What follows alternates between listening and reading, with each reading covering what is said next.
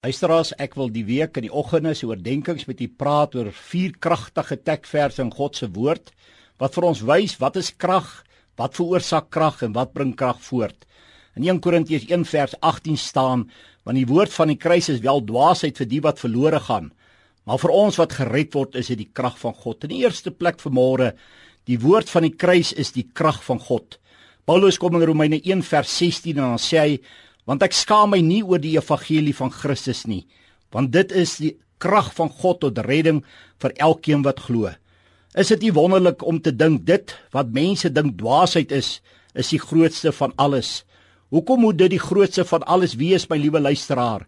Omdat as die kruisiging van Jesus Christus nie daar was nie dan was daar geen hoop vir die mens nie dan is daar geen saligheid geen verlossing geen redding geen vergifnis van sondes vir die mens gewees nie. My luisteraar, ek vertrou dat U die krag van die kruis deel van U lewe gemaak het. Dit is as gevolg van Jesus Christus se kruisiging dat elke mens wat 'n deel van hulle lewe gemaak het in 'n verhouding met God die Vader en die Seun en die Heilige Gees kan staan in hierdie oggend. Dit is as gevolg van die kruisiging dat ons heiligmaking kan nastreef om soos Jesus Christus te word rein en heilig om sodoende God te verheerlik. My luisteraar, as iemand nie die krag van die kruisiging ervaar het nie, dan is daar nie lewe nie. Dan is daar geen toekoms vir so 'n persoon nie. Sonder die krag is die lewe geen nut nie. Nou wat veroorsaak die krag van God? Die bloed van Jesus Christus is die krag. Dit is die bloed waarin vergifnis gelê is. Dit is in die bloed van Jesus Christus waar genesing en vryspraak is. Dit is as gevolg van die bloed dat mense bevry en verlos word van sondes. My luisteraar, dit is die woord wat ons tydig en ontydig moet verkondig. Hoekom?